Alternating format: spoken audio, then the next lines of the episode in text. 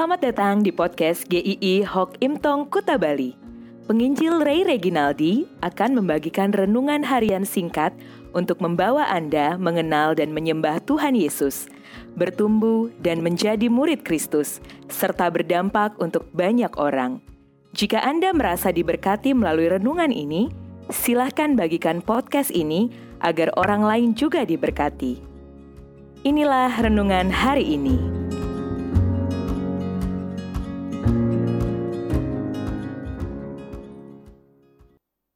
Hidup menggiurkan. Amsal 22 ayat yang keempat. Ganjaran kerendahan hati dan takut akan Tuhan adalah kekayaan, kehormatan, dan kehidupan. Saya sering kali mendapatkan SMS yang menggiurkan. Bunyinya seperti ini. Selamat, Anda memenangkan undian dan memperoleh hadiah 300 juta silahkan hubungi nomor berikut ini. Ini sangat menggiurkan sekali. Gak pernah ikut undian, tapi dapat hadiah yang begitu banyak. Tentu saja SMS-SMS seperti ini adalah SMS penipuan. Tetapi kalau saya terka, masih saja ada orang yang tertipu karena jumlah hadiahnya menggiurkan.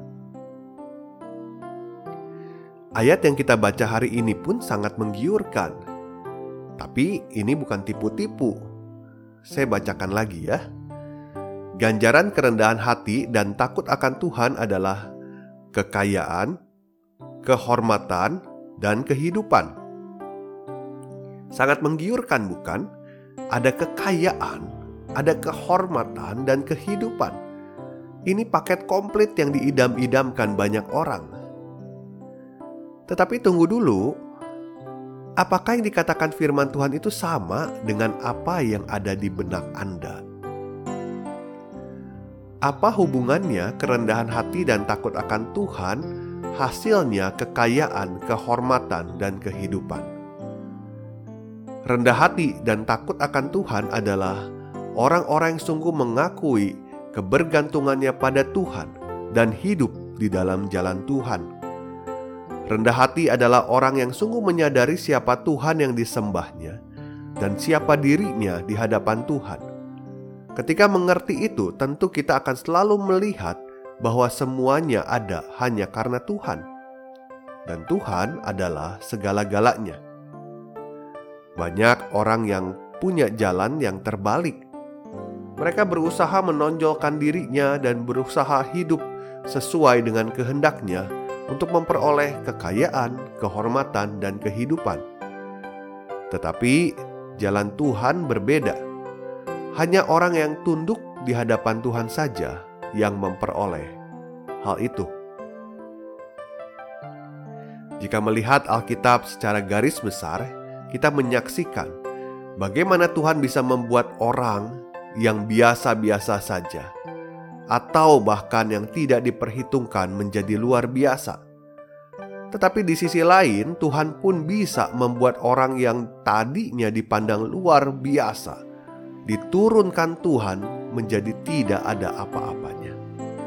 Lukas 1 ayat 52 mengatakan, Ia menurunkan orang-orang yang berkuasa dari tahtanya dan meninggikan orang-orang yang rendah.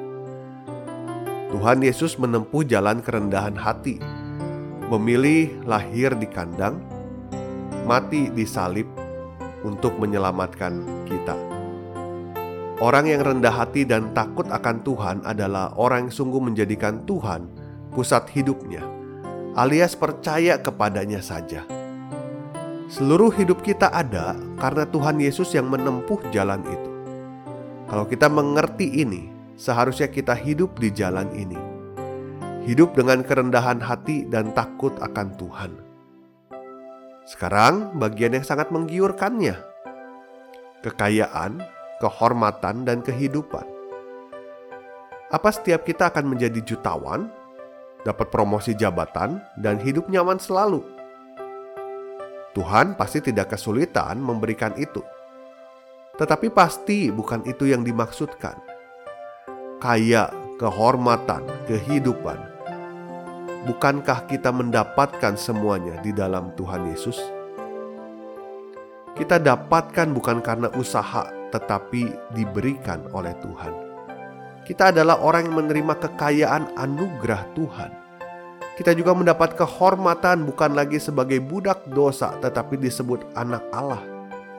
Dan kehidupan di dalam Tuhan sangat berarti, yang berarti kita juga memperoleh kehidupan yang kekal. Hidup ini tentu sangat berarti ketika ada di dalam Tuhan Yesus. Kita tahu bahwa penerimaan sejati adalah di dalam Tuhan Yesus, dan pergumulan terbesar kita akan kematian juga telah diselesaikan oleh Dia. Apakah menggiurkan? Tentu saja.